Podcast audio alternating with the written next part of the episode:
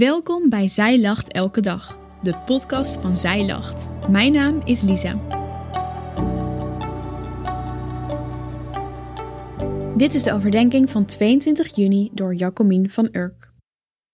Israël is een land met een bewogen verleden, heden en toekomst. Alles omvat door de bescherming van de God van Israël, Yahweh. God laat in zijn plan met Israël zien wie hij is, wat zijn wezen en karakter is. Ik geloof dat wij als gelovigen hiervan mogen leren.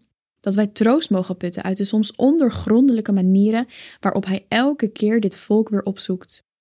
Hoe hij telkens opnieuw het volk laat merken en horen dat hij voor hun een veilige vesting is. Als we naar de geschiedenis van Israël kijken, dan zien we dat het volk veel te verduren heeft gehad. Ze waren slaven in Egypte en werden daar vernederd en gebruikt als ondergeschikt volk. Ook als we kijken naar de ballingschap voor de tijd van Nehemia, lezen we gruwelijke dingen die het volk overkwam. Het is bijzonder om te zien dat God in beide situaties iemand inschakelt om het volk op te zoeken en weer uitkomst te bieden. In de tijd dat het volk als slaven in Egypte verbleef, was dit Mozes. Mozes, die in de Bijbel genoemd wordt een zeer bescheiden man. Niemand op de wereld was zo bescheiden als hij, staat in Numeri 12, vers 3. God gaat Mozes gebruiken om het volk Israël uit Egypte te leiden naar het beloofde land. En hoe doet hij dit? Gaat dit gemakkelijk? Bepaald niet. Het volk moet heel veel lessen leren tijdens deze reis. Geduld, vertrouwen, geloof, nederigheid, liefde. Lees de geschiedenis maar eens door. Maar God gaat mee. Hij is genadig. Hij geeft de vuur en wolkolom, het manna, de kwakkels en water uit de rots. God geeft leiders die het volk voorgaan.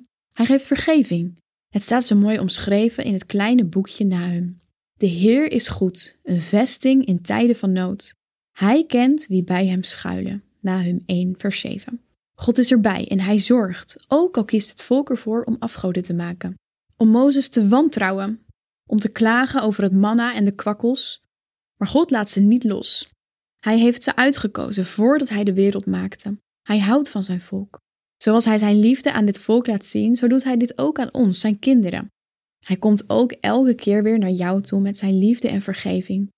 Al ben jij misschien, net als het volk Israël, wantrouwend of ongelovig, Jezus is levende manna. Hij is elke dag genoeg. Israël heeft niet alleen in het verleden een belangrijke rol gespeeld in het helsplan van God. Dit is nog steeds zo. Als we kijken naar alle ontwikkelingen in de wereld, zien we dat Israël, een klein landje, vaak in de publiciteit is. En er zijn veel debatten en discussies gevoerd over dit land met zijn inwoners.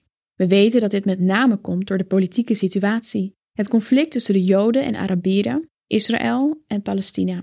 Maar is het ook niet zo dat juist God heeft gezegd dat dit zal gebeuren? Dat juist het land waar hij zijn woonplaats heeft gevestigd, een land zou worden waar de wereld zich druk over maakt. In 1 Koningen 11 vers 36 staat het, want ik wil dat er altijd een zoon van David koning zal zijn in Jeruzalem, de stad die ik heb uitgekozen en waar ik wil wonen. Er gebeuren bijzondere dingen in Israël. Veel Joden gaan terug naar het land. Joden komen tot geloof in Jezus, de Messias. Beloften van God komen uit. God is zijn volk niet vergeten. Hij laat zijn volk niet los. Dat zien we ook in het heden. Maar God is nog niet klaar met zijn plan. Hij gaat door met het vervullen van zijn belofte voor het volk. In Romeinen 11 kunnen we lezen dat God er zelf voor zal zorgen dat zijn volk tot het geloof in Jezus, die ze verworpen hebben, zal komen. Het is een aanrader om het hele hoofdstuk te lezen. Onthoud daarom goed wat Gods verborgen plan is. Een deel van Israël is koppig en ongehoorzaam, totdat alle niet-Joden, die gered zullen worden, Gods koninkrijk zijn binnengegaan. En dan zal ook heel Israël worden gered. Dat staat ook in de boeken. De bevrijde zal uit Jeruzalem komen. Hij zal alle slechte dingen wegdoen die het volk Israël heeft gedaan. Dit is mijn verbond met hen. Ik zal al hun ongehoorzaamheid wegdoen. Gaaf hè? God heeft nog zoveel in petto voor zijn volk.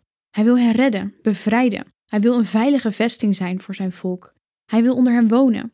Hij zelf zal al hun ongehoorzaamheid wegdoen. Hij zal vrede, shalom brengen. Wat een vooruitzicht voor de toekomst. Niet alleen de toekomst van het volk Israël, maar ook jouw toekomst. Jouw leven.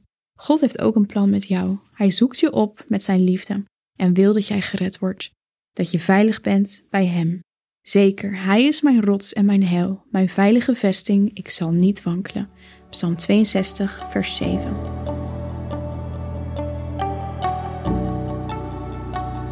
Dankjewel dat je hebt geluisterd naar de overdenking van vandaag. Wil je de overdenking nog eens nalezen? Check dan onze website. Je vindt daar ook nog meer toffe dingen die jou helpen om de Bijbel vaker te openen, zoals boeken, Bijbels, cursussen en evenementen. Morgen ben ik weer bij je terug met een nieuwe overdenking. Tot dan!